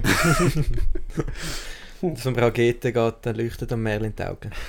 Ah, Ja, Wie nein, was leuchtet dir sonst die Augen, Merlin? Aber, aber wirklich, aber trotzdem, äh, Ich will die hure Folge nicht aufhören. nein, es macht Spaß. Also, Im schlimmsten Fall Kat muss zu mir. aber ich muss sagen, der Merlin, ich finde, äh, du bist eine grosse Bereicherung für den Podcast. Es ist spannend, ja, äh, voll, mit da muss man nicht immer reden. Du, du bringst auch... Du bringst Themen mit rein, die wir uns gar nicht überlegt haben. Ja, und du, Merci, du, merci, du bringst immer wieder neue äh, Ansichten mit rein, wo, Ja, also wo danke Spaß Leute, dass ich da darf mitmachen überhaupt. Das ist cool. Also ab und zu macht es mal wieder gerne. Spaß. Hast du Äh, auch genug dafür gezahlt? Ja, also äh, gegen kleine Spenden kann man natürlich da mit, mitmachen und seinen Knie- Senf Er hat uns auf Knie angefleht, dass er darf mitmachen Wir wollten eigentlich gar nicht aufnehmen. Und dann haben wir im, im Micha seinen kleinen Koffer um unsere Mikrofon müssen drücken, dass wir mit dem Merlin können aufnehmen können. Genau, so. Dass er auch mal in guter Qualität darf rum sein und nicht nur über das Handy-Mikrofon. Das war sehr belastend, ja. Ähm, ja, du hast vorhin gefragt, was mich sonst noch so beschäftigt. Nein, ich habe gefragt, was deine Augen sonst noch zum Leuchten bringt. Ja, was haben wir vorhin mal? Sterblichkeit. Ah, das ist, nein, das war ein Thema, gewesen, wo, wo ich und der Nick Nein, mal... ich bin einer Frage gekannt aus, merkst du es? was Sterblichkeit? Wir können auch über Sterblichkeit reden. oder? Nein, ich habe dich gefragt, was deine Augen sonst noch zum Leuchten Nein, bringt. so aber ich ich habe gehört- nicht. Ich habe gehört, Nick kommt ins Spiel. Red Ja. ruhig weiter. Nein, also das haben, habe ich und ich Nick... habe da mal etwas zu sagen. Das habe ich und der Nick, wo wir da bei uns in der Ferienwohnung abgewaschen haben. Ja, aber jetzt nimmst du wieder das Thema für, das wir eh schon diskutiert haben. Nein, wir haben es noch nicht diskutiert, wir haben es mal kurz angeschnitten. Und zwar beim Abwaschen haben wir immer super tolle Gespräche miteinander, natürlich. Also, wenn ich mit dem Mailin abwäsche, dann starren wir uns an und hören Musik. Das ist eben genau das, was euer Problem ist. Ihr hört immer nur Musik. Während Der Merlin, der Merlin zeigt da Michael Jeder und fragt, kennst du das? Das kennst du sicher. Kennst du das? Das kennst du sicher. Das, wird sicher bekannt vor. Der Michael, nein, kann ich nicht. Nein, noch nie gehört. Nein, das ist wir- auch nicht so meins. Wir, wir haben das Thema mal ganz am, Rand angeschnitten. Das ist natürlich ein hochpolitisches Thema auch. Und Ui, zwar ähm, die Legalisierung von Drogen oder allgemein der Sinn oder Unsinn vom, vom Krieg gegen Drogen allgemein. Haben wir, haben wir ganz kurz angeschnitten, wir haben es nie wirklich vertieft, wir haben gefunden, das ist das Thema von der Podcast. Ähm, Jeder Sek-Schüler, der jetzt zulässt, denkt sich, ah, über das habe ich gerade ein Essay schreiben. Über das haben wir gerade eine Debatte gehabt dem das so? Debattierclub. Das ist das grösste 0815-Thema. Ja, Schuluniform auch. Schuluniform ist auch so ein Thema. Ah ja, Schuluniform, Klassiker. Ah ja, die Schuluniform. Ja, aber, aber ich finde es mega schade. Das kann ich wo, wo ja uns in der Schulpolizei vorbeigekommen ist und gefunden hat, so, ja, also Aufklärung über Drogen ist so, gewesen, so, ja, Drogen sind schlecht, ist verboten, ihr würdet anzeigen, wenn ihr es macht, äh, tschüss zusammen. Bei uns ist niemand gekommen. Und, und, vielleicht, und, vielleicht, aufgeklärt worden. und vielleicht haben sie noch ein bisschen Horrorgeschichten Oh, erzählt. ich kann und aber etwas erzählen zu dem Thema. Ähm, Ja. Wir haben in der Sek ist bei uns eine vorbeigekommen, die jahrelang drogensüchtig war. Und dann hat sie über die, dann hat sie über die Zeit erzählt, äh, wo, sie, wo sie die Drogen genommen hat und wie sie die beschafft hat einmal und wa- was dann alles passiert ist und was es ausgelöst hat und so. Und das finde ich, das hat viel mehr Eindruck hinterlassen, wenn einfach ein Polizist kommt und sagt, ja, Drogen sind schlecht und Das so. glaube ich. Definitiv, Und, ja. Also das äh, habe ich sehr eindrücklich gefunden damals. Und ich finde äh, so Sachen finde ich richtig geil, wenn's, wenn wirklich selber Betroffene Aus erster Hand halt. Genau. Das hast du nicht von jemandem, wo... ja, es gibt, es wird ja auch immer cooler, so gegen die Polizei schiessen und so einen auf kriminell zu machen bei so vielen Jugendlichen, komme ich Ja. nicht über. Und es gibt, Finde ich schade. es gibt auch so einen YouTuber zum Beispiel, der heißt Max, Maximilian Pollux oder so. Das ist so ein ehemaliger Knasti, der auch so kriminell war und so. Und der erzählt auch in seinen YouTube-Videos, wie das so abgelaufen ist und so. Und also halt auch dagegen und so. Und ich finde, so Sachen sind äh, mega eindrücklich, wenn, wenn Leute erzählen, die selber persönliche Erfahrungen damit gemacht haben. Und Absolut. dann lernst du auch viel mehr damit. Ja, absolut. Nein, Aber du hast jetzt wahrscheinlich mehr wollen, äh, darauf eingehen. Nein, also ich finde Okay. einerseits, Prävention ist ein mega wichtiges Thema. Also ich habe nicht das Gefühl, dass es eine Drogenpolitik kann geben ohne Drogenprävention. Ich finde, das ist wirklich wichtig, dass, dass man schaut, dass ja, wie, wie, wie- damit umgegangen wird. Und, und das ist so das, was ich eigentlich auch anschneiden wollte, so bisschen, ich finde es eben irgendwie, ich weiß nicht, was ist das gewesen, irgendein Präsident aus den USA, der da eben seinen Krieg gegen Drogen erklärt hat, nachdem das die Alkoholprohibition gescheitert ist, ähm, haben sie gefunden, es probiert jetzt mit allen anderen Substanzen. Ähm, und ich muss irgendwie sagen, eigentlich, wenn du einfach so anschaust, unsere Gesellschaft, ich habe das Gefühl, also ja, wir haben jetzt nicht, ich würde sagen, jetzt in der Schweiz haben wir nicht ein grosses Drogenproblem, so wirklich ein Problem, wo man sagt, okay, wir haben Junkies auf der Straße, man kann mit Platz Spitz und alles, aber genau das, was dort passiert ist, aus meiner Sicht habe ich das Gefühl, ist so ein bisschen, zeigt ja eigentlich auch, wie so ein bisschen, der Krieg ist nicht ein Krieg, den man kann gewinnen kann. Wenn Menschen wollen, high werden, werden sie irgendwie high. Das ist so, und, und ich, und ich frage mich so ein bisschen, wie, ja, wo lässt uns das und wo lässt uns das als Gesellschaft so, so bringt es die Prohibition eigentlich noch, Also oder müssen wir neue quasi- Ansätze suchen? Sagst du quasi, ah, wir können es eh nicht verbieten, weil der Mensch schafft sowieso, also machen wir es legal. Das ich finde nämlich... sage äh, ich, also du hast gesagt, das sage ich nicht, also, oder ob ich das so meine. Du kannst gerade diesen Punkt sagen, ich sage das nicht, ich stelle nur die Frage in den Raum, was Nicht, wäre... dass ich deine Erlebnisse habe. Nein, nein, ich will nur das klarstellen, wie ich es meine. Ich, ich, ich sage nicht, dass man einfach alles erleben. Ich sage nur einfach, man sollte sich ernsthafte Gedanken darüber machen, ob der Weg, den wir eingeschlagen haben, der richtig ist oder ob es bessere Ansätze gibt, wo schlussendlich die Gesellschaft würde besser tun und, und uns und wirklich auch die Jungen würden besser schützen und, und würde mehr Leid verhindern. Und ich finde, das Ziel sollte vom Staat immer sein, das Leid zu mindern und schauen, dass der Bevölkerung besser geht und nicht einfach, wir haben Gesetze und dann muss sich daran halten und das ist es. Ja, Aber ich geht's finde doch genau, ich Ja, finde, es gibt doch, es gibt Ja. doch aus einem Grund Drogen, die illegal sind. Man hat aus einem Grund gewisse, bei gewissen Drogen gesagt, die sind nicht legal. Es gibt Ja. Drogen, die sind legal, weil es, weil es in einem kleinen Ausmaß nicht schädlich sind, Ja. wenn man es ab und zu konsumiert. Aber Sachen, wo halt der härteste Shit halt, der ist aus einem Grund illegal. Defini also ja, natürlich. Ich, ich stelle ja überhaupt nicht den Grund in Frage. Ich stelle nur in Frage. Ich stelle schon ein bisschen, also ich finde, wenn du erwachsen bist, dann kannst du entscheiden über dein Leben, solange du niemand anders damit schadest. Also, Ja, aber das, ist, das funktioniert nur in einer Gesellschaft, wo nicht jeder einfach für sein Eigenwohl schaut. Wo jeder Mensch so weit aufklärt ist, dass er weiß, was gut ist für ihn. Genau. ja, ja, eben darum solltest du halt mega gut aufklären. Das ist auch Aber ein ich finde- ja. Was willst du jetzt an einem Erwachsenen verbieten, dass er kann Kok Kokain nehmen kann? Also, ich finde, der kann das doch selber entscheiden. Also klar, irgendwie äh, Nein, weil er, indirekt, indirekt schadet er schon anderen Eben, ja. Leuten. Er schadet ja der Familie und allen und so. Gut, und das ist eben das Problem, so ein bisschen, wo, wo zieht man die Grenze eben, so ein bisschen, ich finde den Ansatz, du kannst mit deinem eigenen Leben und deinem Körper machen, was du willst, solange du nicht anderen schadest, aber sobald du anderen schadest, muss man nie greifen. Und Aber da, da ist ja auch wieder der Mittelweg, weil im Endeffekt, ähm, solange es keine Sucht ist, ist es ja okay. Dann kannst du ja sagen, solange Heroin nee, keine Sucht ist, ist auch Heroin nee, Gut, okay. gut, Heroin ist vielleicht jetzt nicht Ja, gut, das beste Beispiel, um das Argument zu verfechten, weil das ist wirklich etwas, was verdammt schnell süchtig macht.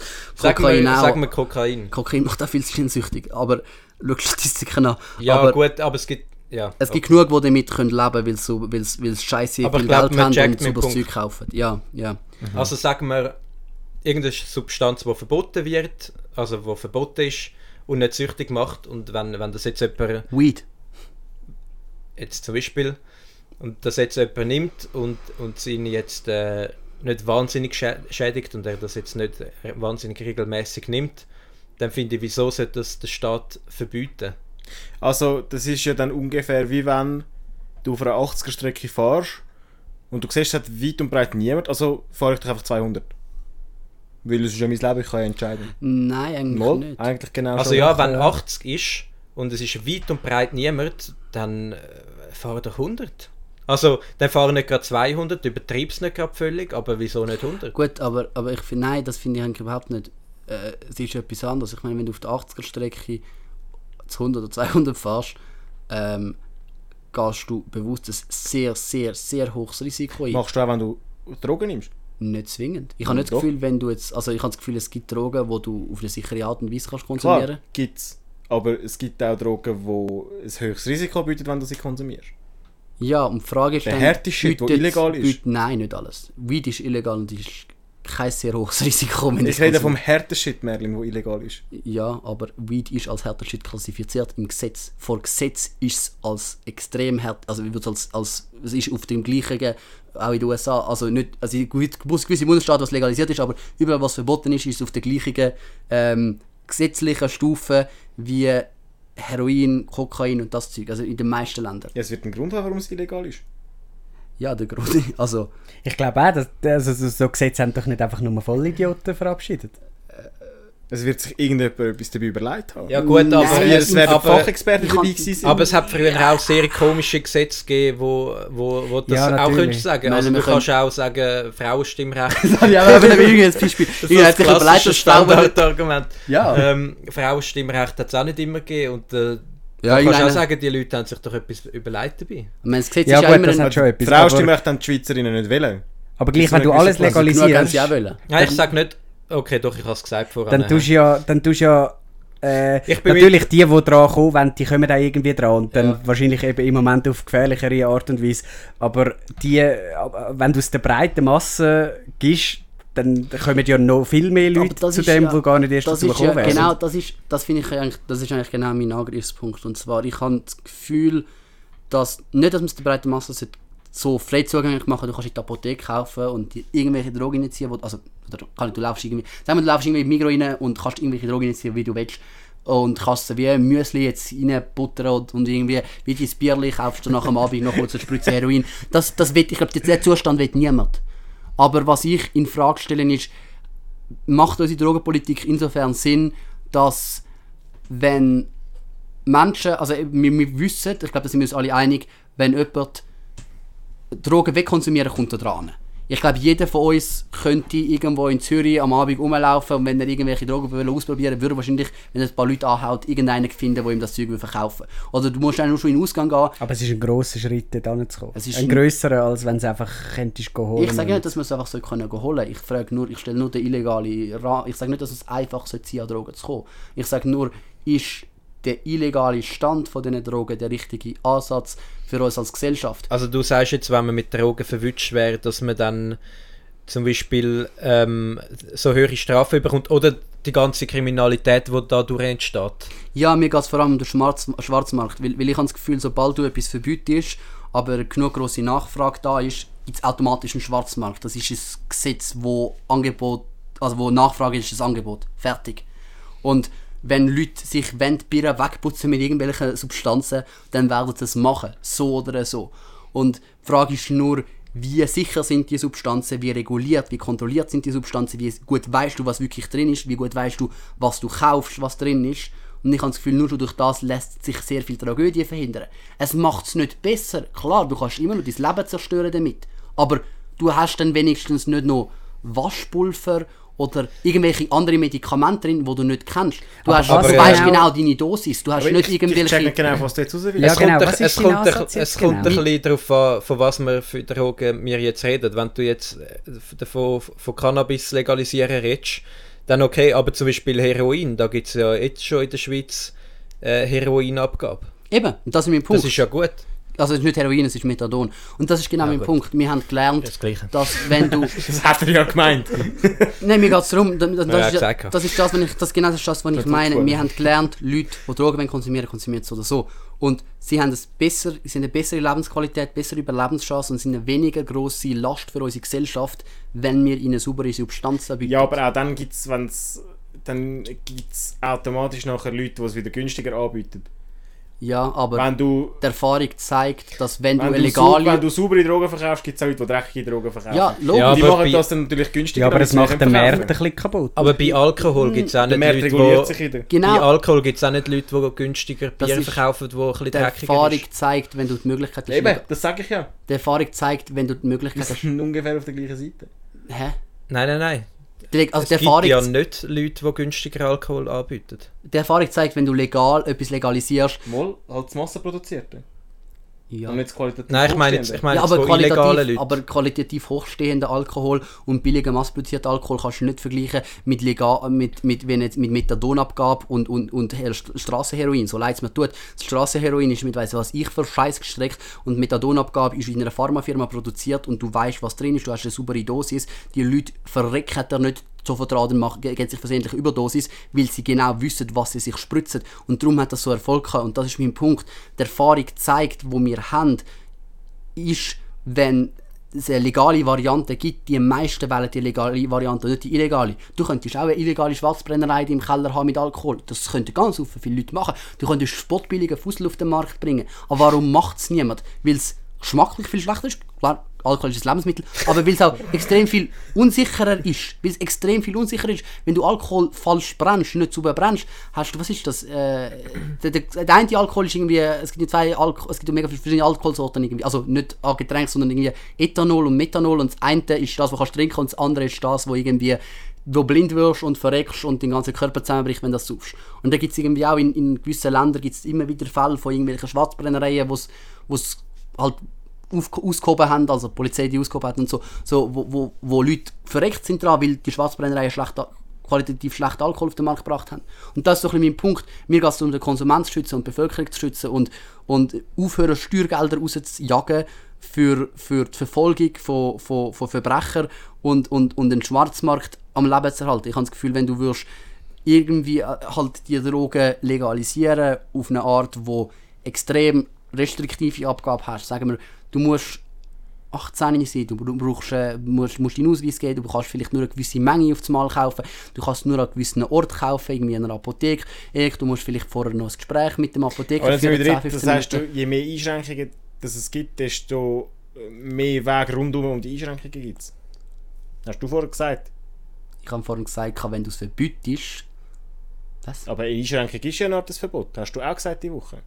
Ja, aber das war ein anderes Thema. Gewesen. Können, wir, können, wir, können wir uns jetzt auf das Thema fokussieren? Es ist eine Grundaussage, dass eine Einschränkung ein Verbot ist.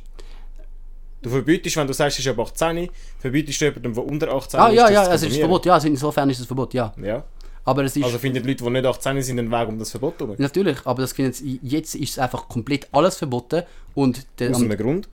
aus einem guten, ja, also ich denke nicht, dass Heroin verbieten einen schlechten Grund hat. Ich sage nur, der, der, der, und ich glaube nicht, in der Schweiz das, das größte Problem, das wir haben, Heroin ist oder so. Also ich sage nur, nur, einem Dealer ist es scheißegal, wer er verkauft.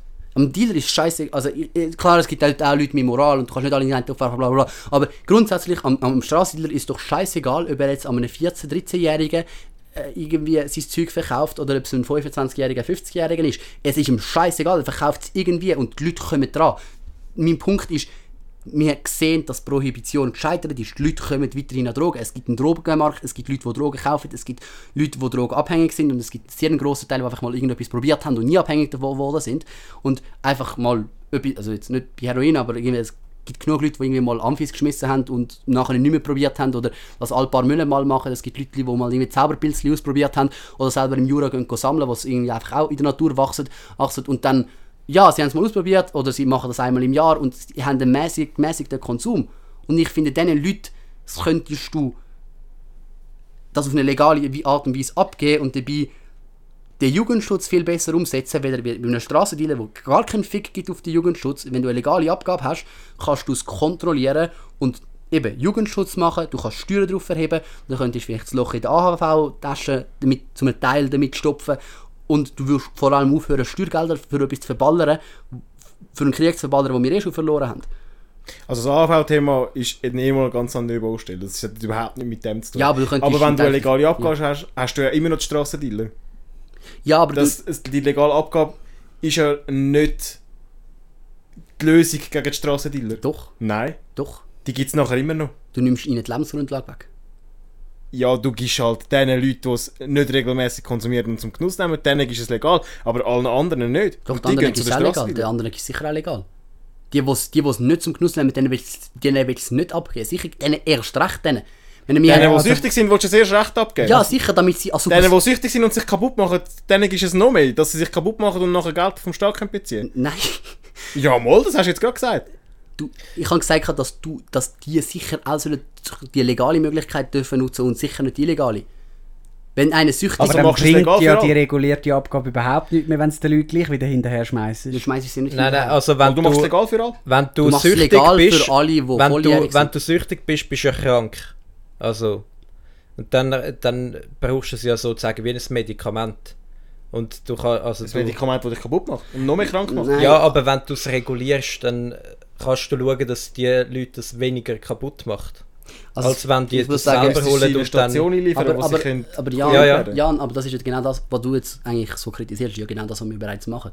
Wir geben den Süchtigen Methadon, weil das Heroin so unsauber ist, damit sie bessere Lebensqualität haben. Gut, Merlin, ich bin zu wenig informiert, um da mit dir mitheben, aber ich habe eine Meinung zu dem. Das ist voll okay. Ich Vielleicht reden wir da auch ein bisschen von unterschiedlichen Drogen, kann das sein? Aber ich Ich finde habe das Gefühl, wir ein Stück weit sicher aneinander vorbei, wir haben andere Grundeinstellungen.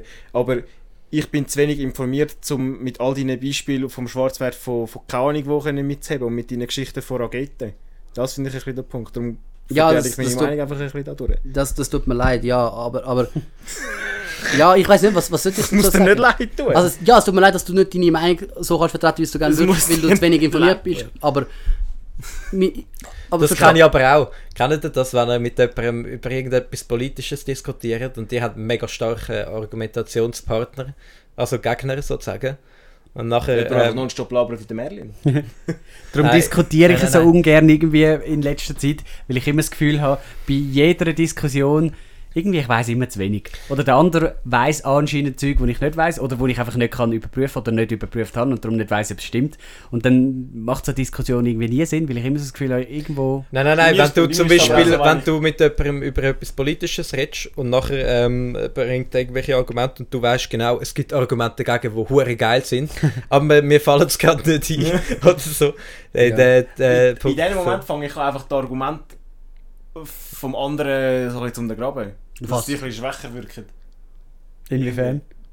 Ja, halt so ein bisschen Also hinterfragen. So wie ich es jetzt gerade gemacht habe. Ja, so, aber- Das hast du doch gerade vorher gesagt. Und so hast du doch gerade vorher gemeint. Ah, du versuchst. Aber ich, ich fühle mich jetzt nicht untergraben.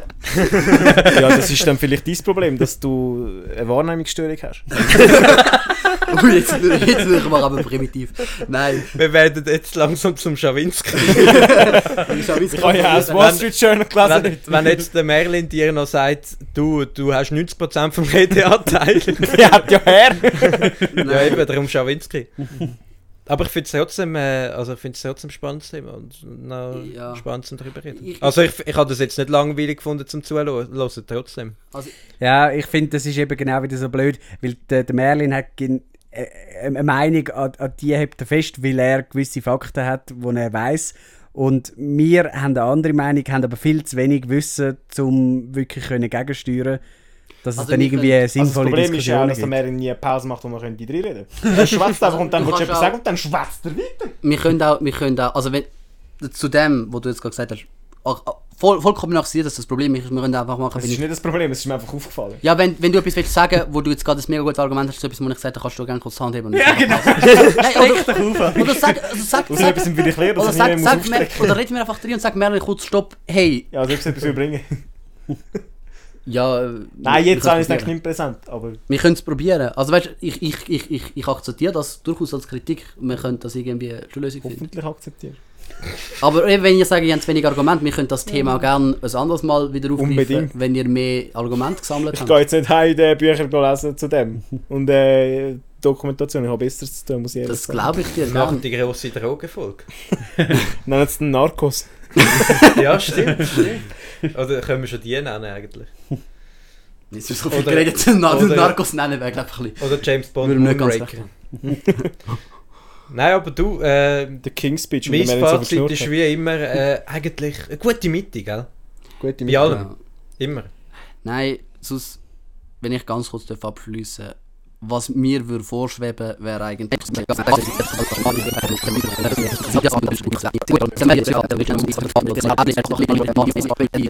immer noch restriktiv ist und die richtigen verletzlichen Leute schützt. Ja, kommen wir Aber mal zum Punkt. ja, ich man muss wirklich Karten Das nicht. zweite Mal seit du gesagt hast, du willst schnell abschließen. Ja gut, komm, komm. ich- Ja, es ist eigentlich klar, was ich will sagen. Ja. Legalisierung, starkem Schutz, mit mit mit mit. äh, Und der nochmal an. Fertig. So, Und mit ist meine Würschitz Meinung. Zitrone. Mir ist Zitrone. Der Schnitt Schnitt Zitrone ist immer wichtig. Gut. Ähm, wollen wir langsam beenden? Der Nick fragt zum hundertsten Mal, ob wir beenden Ja. Nicht kaputt, müssen wir zulassen. Der, der Nick hat einmal immer nach einer halben Stunde keinen Bock und will einmal immer die Hälfte rausschneiden. Ich muss sagen, meine Konzentration schwindet. Je, je länger eine Person allein die ganze Zeit dort ist, desto mehr mir schwindet meine Konzentration. Ich habe jetzt die letzten zwei Minuten nicht mehr zugelassen. Dabei hat er eigentlich alles, was er in der letzten halben Stunde gesagt hat, jetzt nochmal zusammengefasst. Oder probiert zusammenzufassen und hätte eigentlich jetzt Ja, noch... aber dort haben wir haben wir- nicht Ich höre sie dann, wenn ich unterbrochen, schneide nochmal. Ja, komm, scheißegal, schauen wir Star Wars. Schönen Abend zusammen.